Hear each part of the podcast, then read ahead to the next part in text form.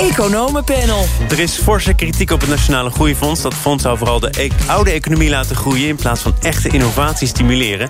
En de producentenprijzen in China stijgen extreem snel. Dat maakt het inflatiespook alsmaar realistischer. Dat en meer bespreek ik in het Economenpanel. En daar zit Valentijn van Nieuwhuizen... Chief Investment Officer van NN Investment Partners... en Barbara Baarsma, directeur van de Rabo Carbon Bank... hoogleraar Economie aan de Universiteit van Amsterdam. Goedemiddag allebei. Goedemiddag. Goedemiddag. Laten we beginnen met uh, een uh, recent besluit van het kabinet. Het demissionaire kabinet maakt bekend dat het 3 miljard uittrekt... om de hoge energierekening van huishoudens te compenseren. Valentijn, de verantwoordelijke staatssecretaris, zei... het moet snel, het ja. moet doeltreffend. Is dat wat het is?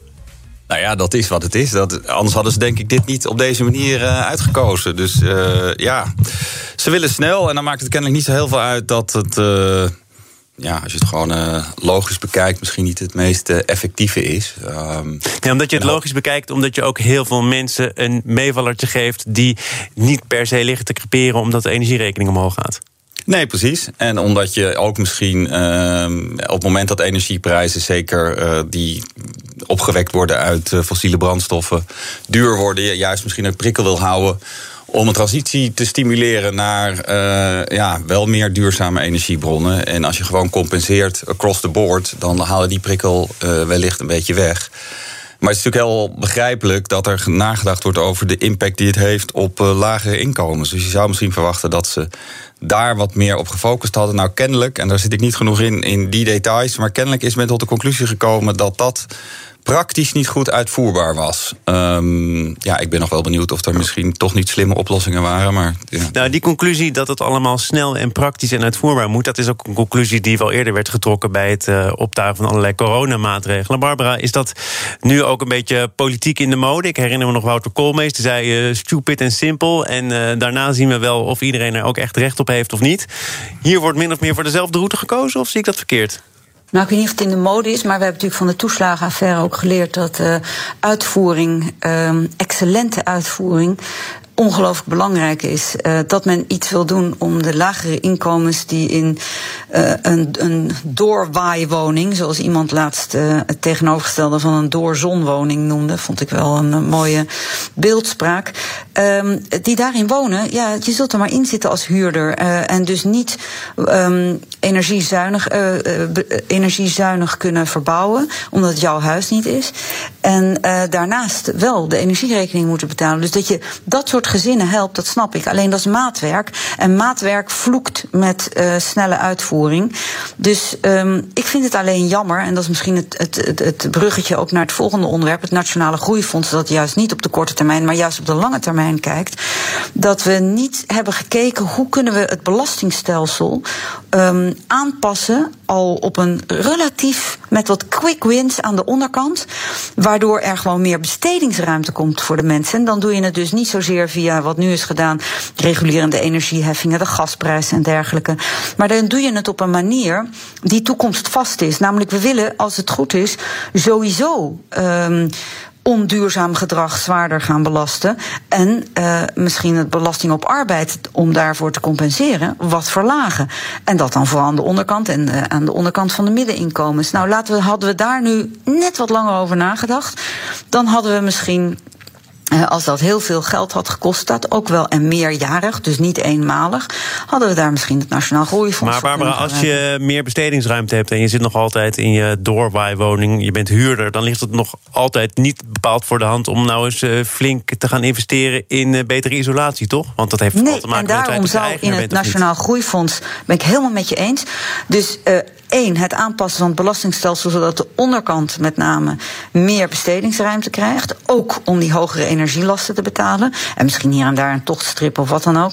Um, maar de fundamentele aanpassingen in die woningen, die moet komen van ja. uh, woningcorporaties, verhuurders. Nou, en dat kan, dat zijn projecten die nou bij uitstek prima passen in zo'n nationaal groeifonds. Ja. Ja, nou ja, aanvullend op wat Barbara zegt. Het is gewoon heel jammer dat er als er dan die noodzaak was om snel te handelen, niet tenminste ook een, een, begeleidende intentie is uitgesproken. Om inderdaad, of het nou via het groen, Groeifonds gaat. of via een discussie op Europees niveau over de nieuwe uh, begrotingsrichtlijnen in de toekomst. Uh, niet tegelijkertijd plannen die veel meer op de lange termijn echt een impact gaan hebben. Uh, te ontwikkelen. En dat het nu eigenlijk toch een beetje een snelle standalone oplossing is voor een, ja, nu een korte termijn probleem, maar er zitten hele structurele aspecten aan.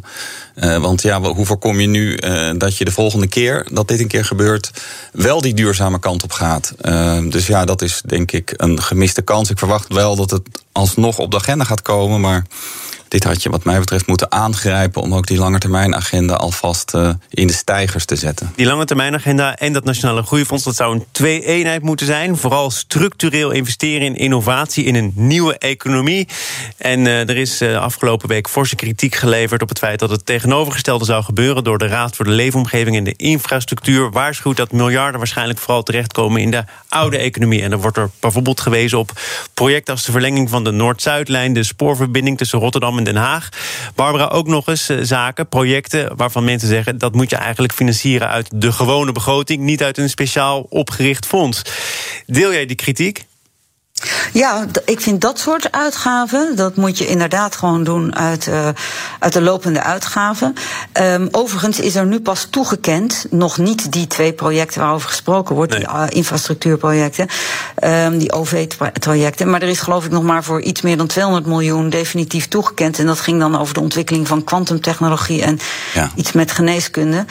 Maar ik ben, ik ben het eens, er zit een gevaar in hoe het nu is opgezet, dat we de oude economie, de grijze economie, uh, aan het ondersteunen zijn.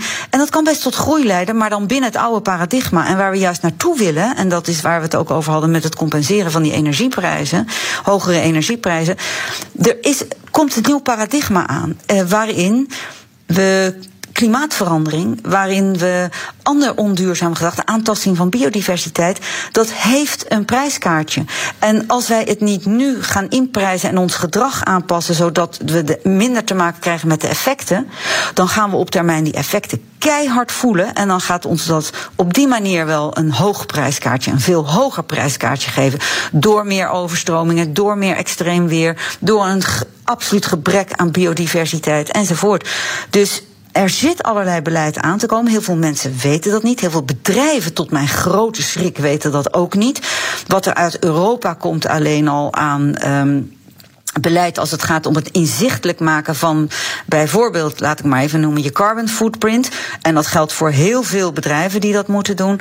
Uh, wat er uit de Shell-zaak is af te leiden, die, waarbij de rechter in feite zegt: oké, de overheid uh, klopt, Urgenda-zaak nemen we aan. Uh, de overheid verzaakt om klimaatbeleid te voeren. Maar bedrijfsleven, dat ontslaat u niet van de plicht om zelf iets te doen. En wat gaat u doen? Ja, maar alle gevaren die nu uh, kennelijk op de loer liggen en die voor een deel al bewaarheid zijn, die werden ook al aangekondigd. Ook dit panel, ik weet niet of jullie dat specifiek zijn uh, geweest, maar uh, daar is gewaarschuwd voor wat er met deze 20 miljard, want dat zit er in het Nationale Groeifonds, zou gebeuren. He, een leuk projectje, een prestigeprojectje, iets wat goed uitkomt voor het zittende kabinet, of misschien wel voor het volgende kabinet. Je kunt er van alles mee doen, maar niet per se iets wat structureel bijdraagt aan een nieuwe economie of aan innovatie. Zat dit er gewoon aan te komen, Valentijn? Nou ja, als je kijkt naar de opzet? Uh, wie is daar verantwoordelijk? Uh, wie wordt er uiteindelijk op afgerekend? Uh, hoe komen de besluiten tot stand? welke goedkeuring op welk project? welke criteria worden daarvoor gebruikt? Dan zie je dat de opzet inderdaad ook van dat steunfonds uh, ja, aan alle kanten eigenlijk rammelt. In ieder geval zeker niet ademt dat het snel en effectief gaat zijn. Dus als dat nou de doelstelling is, snel en effectief zijn, ook met betrekking tot een langere termijn uitdaging, dan zou je het denk ik inderdaad anders moeten inrichten. Gewoon de verantwoordelijkheid leggen waar die uiteindelijk moet liggen. De politiek, het kabinet. Ja, want in de politiek is men altijd wel daadkrachtig, toch? Ja, absoluut. Hè. Dat is uh, een kern, kernpunt. Ja, maar het idee was volgens maar, mij juist om het uit het hele politieke gekakeel te houden. Door een commissie van wijzen. De commissie die wordt voorgezeten door eh, Jeroen Dijsselbloem. Uh, in het leven te stellen. En ervoor te zorgen dat het niet werd gebruikt voor allerlei politieke hobby's. Nee, maar daar moet je ook wel goed voor, voor waken. Maar de vraag is of je dat op deze manier beter beschermt. En uh, als het een, een warrige besluitvorming is, een warrige ja, hoe zeg je dat, governance eroverheen hangt, dan denk ik niet dat je dat uh, beter uh, voorkomt. En nogmaals, op dit moment liggen er enorme kansen om hier wel stappen te zetten. En in plaats van ook dat steunfonds eigenlijk een beetje een korte termijn afkoopplan te maken. In plaats van echt een structurele koers te kiezen. Hoe wij als Nederland dit, deze uitdagingen in de toekomst aan willen pakken. Hoe wij daarin samen willen spelen in Europa. In Europa zijn er enorme kansen ook om na te denken hoe je dat beter kunt gaan inrichten. Nogmaals, volgend jaar wordt er gesproken over uh, het, het, het herijken van de, de budgettaire regels binnen Europa. Uh, zelfs iemand als Olly Rehn, de voorzitter van het Europees Stabilisatiefonds, spreekt zich nu heel duidelijk uit over het aanpassen van die criteria aan, wat Barbara net ook zegt, het nieuwe paradigma dat we met z'n allen ingaan. Ja, maar we gaan het met z'n allen in. Maar Barbara, als ik jou goed begrijp, dan uh, weet nog lang niet iedereen dat we dat nieuwe paradigma ingaan en wat dat allemaal behelst en ook aan verantwoordelijkheden met zich meebrengt. Dat klopt. Uh, dat ervaar ik zelf aan mijn lijf als ik met bedrijven spreek. Zelfs uh, grote bedrijven die gewoon niet weten, precies weten wat er allemaal alleen al uh, uit, uit Europa op ze afkomt. of als dat gaat om, nou bijvoorbeeld de Sustainability um, um, Finance Disclosure Regulation, de, de, enzovoort. Dat soort, allemaal dat soort dingen. Maar even jouw fundamentele vraag net. Um, wat, waarom is dit fonds er en doet het wat het moet doen? Kijk, First best is natuurlijk dat de politiek moed toont. En verder kijkt dan alleen maar die herverkiezing binnen vier jaar. Of na vier jaar. Um, en dat men effectief klimaatbeleid opzet. Kennelijk voelde men die ruimte niet om dat te doen en ging men naar second best en zette dit fonds op op iets grotere afstand van die korte termijn politiek. Alleen het nadeel daarvan is dat het, net zoals eerdere uh, gasbatenfondsen die we hadden enzovoort, het risico in zich heeft dat het uh, ja, een, een politiek speeltje wordt. Nou, aanvankelijk wil je dan nog wel met open blik daarnaar kijken van goh, um, nou laten we hopen dat het niet zo is. Maar nu ben ik inderdaad ook wel op het punt dat ik denk, jeetje, dat is wel heel jammer dat er, dat er ik weet dat er ook aanvragen zijn, gegaan, uh, zijn, zijn gedaan die echt wel Um, ja, meer verduurzaming aanjagen. Um, maar ik, ja, ik vind het wat dat betreft. Het is echt het, het, de spiegel van het gebrek aan politieke moed. Eigenlijk moet ik dat. Uh, dat is dat hele Wiebes-Wopke-fonds. Nou, het is jammer dat het zo'n tragische conclusie is, maar het is wel mooi ja, verwoord. We gaan naar een ja. uh, volgend onderwerp. BNR Nieuwsradio. Zaken doen. Thomas van Zeil. En dat uh, doe ik met het economenpanel Valentijn van Nieuwenhuizen... de Chief Investment Officer van NN Investment Partners... en Barbara Baarsma, directeur van de Rabo Carbon Bank... ook, Bank, ook hoogleraar economie aan de Universiteit van Amsterdam. Dames en heren, we moesten het uh, toch maar eens hebben over inflatie... want er zijn steeds meer signalen dat die inflatie helemaal niet zo tijdelijk is... als eerder werd voorspeld. Dit zei Klaas Knot daar vorige week over op BNR op dit soort momenten in de economie dat het juist heel goed gaat, dan bouwen zich vaak de financiële kwetsbaarheden en de financiële risico's zich op. Ook mijn uh, verwachting is nog steeds dat de inflatie, uh, de huidige inflatie, grotendeels tijdelijk van aard is. Maar niettemin uh, is het gewoon gezond risicobeheer dat je ook nadenkt over scenario's waarin bijvoorbeeld de inflatie toch iets minder tijdelijk zou blijken te zijn. Ja, Valentijn. Ja. En dat heeft Klaas Knot ook nog gezegd. Er zijn meer zaken die we niet dan wel weten over het inflatieproces. Dus ja. dit alles vertalende, waar kom je dan op uit? Nou ja, dat laatste is eigenlijk wel een heel belangrijk punt. Hè. Kijk, hij benoemt nu vooral de risico's dat inflatie aan de bovenkant zal gaan verrassen. Uh, en natuurlijk moet je over dat risico nadenken. Maar tegelijkertijd is de realiteit natuurlijk dat de Centrale Bank van Europa, de ECB, uh, waar Klaas Knot ook onderdeel van is, de afgelopen tien jaar structureel inflatie heeft overschat. Uh, en daar heeft hij natuurlijk een beetje van geleerd dat het inderdaad ja, alle, alle inflatiemodellen zo'n beetje failliet zijn gegaan de laatste tien jaar. En dat het dus heel onzeker is. Dat is helemaal waar. Alleen de suggestie dat je daar maar daar, daarom nu toch een bepaalde soort van zekerheid hebt dat het wel aan de bovenkant zal verrassen, dat lijkt mij uh, niet helemaal terecht. Dus. Ja, er is... in, in hoeverre aan de bovenkant? Want de iets langere termijn verwachting is alweer dat de inflatie, ik meen in 2022 alweer onder de 2% duikt. Nou ja, dat zei Klaas Knot zelf ook. Hè, dat zij zelf ook verwacht dat ze uiteindelijk de inflatie toch weer lager uit zal komen. Dus ja, we zitten gewoon in een hele onzekere periode na de meest ja, uh, bijzondere recessie en ook bijzonder uh, herstel. Waarin allerlei patronen uh, in, in ons economisch, wereldwijde economisch systeem anders zijn gaan lopen. Waardoor de inflatie nog onvoorspelbaarder is dan die de afgelopen tien jaar is geweest. Dus ja, daar moet je zeker met een risk management bril naar kijken. Alleen, ja, het, belangrijkste wat je daarvan weet is dat het heel onzeker zal zijn. Maar of dat dan ook betekent dat het na volgend jaar ook nog heel lang heel hoog blijft, dat durf ik nog wel te betwijfelen. Uh, en dus denk ik dat uh, ja, je, je vooral moet onderkennen dat het onzeker is.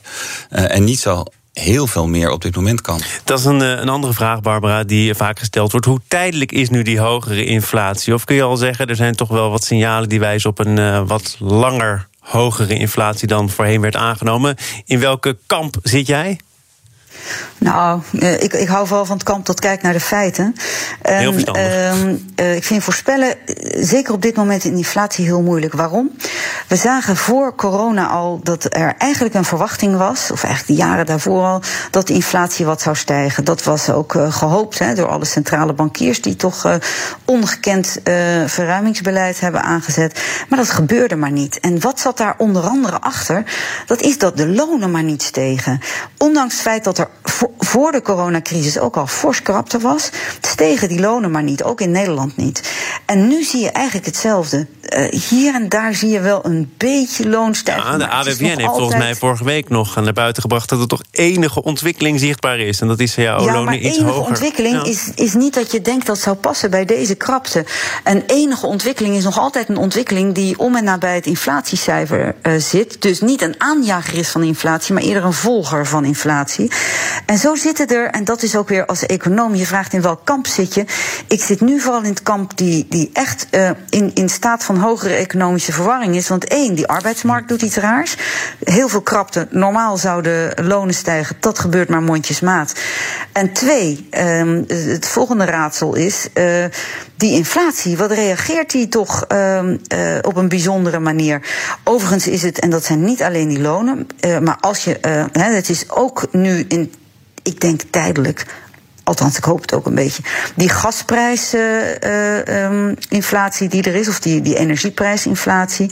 En dan hebben we ook nog de inflatie als gevolg, zou je denken, of in ieder geval hogere kosten uh, als gevolg van uh, die, die, die, die door coronacrisis. Ja, die producentenprijzen die oplopen, die, die wellicht toch moeten worden doorgerekend. Ja, precies. Ja. Maar er zitten dus echt wel wat puzzels in de economische. Het verschil tussen economische theorie en werkelijkheid is als het gaat om lonen. En normaal krijg je stijgende lonen die gaan inflatie aanjagen. Dat was ook de hoop van het ECB-beleid. Dat gebeurt nou eigenlijk niet echt. Um, en, en uh, nu zien we dan door die, door die gemarkeerde, gemankeerde value chains, waardeketens en uh, de energieprijsstijging wel wat inflatie. Maar hoe lang die duurt. Ja. Valentijn, nou, ben, ben, jij ook in verwarring? Uh... Want jij zei nou, ook wel ja, economische ik... patronen die we voorheen als waar aannamen en die zich ook wel bewezen hebben, die gelden niet meer. Nou ja, die gelden niet meer omdat gewoon het economisch systeem eh, een beetje door de war is ge, of een beetje door ons erboven is gezet. En je ziet nu krapte ontstaan in, in zowel in, uh, in waardeketens wereldwijd, op allerlei plekken en binnen bepaalde stukken van de arbeidsmarkt. Nou, daar zie je prijsdruk ontstaan. Maar tegelijkertijd zie je dat de arbeidsmarkt nog niet zo krap is als voor corona. Dat in brede zin de economie ook nog niet echt heel veel groter is dan die voor corona was op de meeste plekken. En dat je in die zin ja, je moet afvragen of er echt duurzaam hoog ho uh, blijvende opwaartse druk al verwacht kan worden. Via het belangrijkste kanaal, ben ik helemaal met Barbara eens, dat is dus de loonontwikkeling. En de, en de krachten die de afgelopen 10, 20 jaar die loon ontwikkeling heel gematigd hebben gehouden. Daar ben ik nog helemaal niet van overtuigd dat die echt verdwenen zijn. Dus voorlopig ben ik geneigd om die gasprijzen of andere componenten in uh, inflatie die je nu omhoog ziet schieten en die best wel tot volgend jaar hoog zullen blijven, um, wellicht wel meer een risico zijn voor de groei dan echt een direct risico op langdurig hogere inflatie. Maar, maar Valentijn, ik heb vast wat lesjes gemist. Maar stel nou dat uh, de producentenprijzen stijgen en bedrijven gaan proberen om dat door te rekenen aan klanten, aan jou en aan mij. En ik kan steeds minder kopen voor hetzelfde geld. Ja. Dan volgt er toch een moment dat ik naar mijn werkgever of opdrachtgever stap en zeg: luister eens, alles is duurder geworden. ik moet zelf ook wat duurder worden, anders lukt het niet meer. Ja, dat, dat uh, hebben we allemaal geleerd. Hè? En dat was een van die modellen. De, ver, de verhouding tussen krapte op de arbeidsmarkt en loonontwikkeling, die nou de laatste 10, 15 jaar bij al die centrale bankiers die dat allemaal aan het besturen. maar nog even los van de krapte op de arbeidsmarkt. Als ik steeds minder kan kopen voor hetzelfde geld, dan ga ik toch om meer geld vragen? Ja, maar de, de, de krapte op de arbeidsmarkt, jouw onderhandelingskracht, zeg maar, bepaalt of jij dat loon ook echt krijgt. Of dat jouw werkgever zegt, nou dankjewel dat je dat wil, maar dit is wat ik je aanbied. En, en daar zit ook achter, kijk, als je, hoe, hoe dikker de schil met flexibele krachten, hoe zwakker die onderhandelingspositie, hoe zwakker, hoe minder leden van vakbonden, en dat is op dit moment, neemt dat aantal leden af, hoe zwakker die onderhandelingsposities zijn, met name cao's. En wat je ziet is dat, ondanks het feit dat er wel uh, een lage werkloosheid is, is er nog altijd wel een forse reservebank. Ja, mensen die inactief zijn. Ja. ja. en dat zijn mensen die bijvoorbeeld in deeltijd werken, die wat meer uren willen werken. Maar ook mensen die werkloos zijn in Zuid-Europa. Die uh, toch nog naar Nederland komen op het moment dat hier nou, uh, meer te verdienen is dan in hun eigen land. Dus je ziet gewoon dat de onderhandelingspositie uh, van werkenden. Um, kennelijk niet zo sterk meer is als dat vroeger was. En daar zitten vele uh, krachten onder. Uh, maar, maar zeker ook die flexibele schil en die, en die reservebank. Ja. Die toch niet zo leeg is als wij dachten. Nee, en, en, dus is dat voor mij ja, zeer, ook zeer onzeker. Maar eigenlijk niet mijn verwachting dat die lonen heel erg zullen versnellen. Jij noemde eerder ook nog uh, dat bedrijven die prijs gaan doorrekenen. Je moet je wel realiseren. Ja, dat, nou ja, kijk, dat, dat proberen ze. Maar je moet je ook realiseren. Bedrijven worden steeds efficiënter. Er is productiviteitsstijging in, in, in, in hun waardeketens of in hun manier van organiseren. En als je kijkt naar hoe het gaat met het bedrijfsleven, dan hebben we alleen maar spectaculair sterke winstcijfers gezien. Dit winstseizoen, nou, het is nog he heel erg pril. Maar lijkt tot nu toe ook mooie cijfers te laten zien. Dus de winstgevendheid is daar nog best wel op peil. Ondanks dat al een aantal van die inputkosten aan het stijgen zijn. Dus hoe hard zij zichzelf bereid zijn om zichzelf eventueel uit de markt te gaan prijzen. door hun, uh, de prijzen van hun producten heel erg op te hogen. Dat vraag ik me ook nog af. Want tot nu toe lukt het ze prima om mooie winstcijfers te laten zien. Over efficiëntie gesproken, het was weer een zeer efficiënt panel. Het zit er alweer op. Dank voor jullie bijdrage. Ja, Barbara, het is niet anders. Barbara Baarsma van de Rabo Carbon Bank, hoogleraar economie aan de UvA. En Valentijn van Nieuwenhuizen, Chief Investment Officer van NN Investment Partners. Dank voor jullie bijdrage. Zometeen dan praat ik uitgebreid door over de krapte op de arbeidsmarkt. En hoe bijvoorbeeld accountants en consultancybedrijven toch nog denken dat ze duizenden mensen aan nieuwe medewerkers kunnen verwelkomen de komende jaren.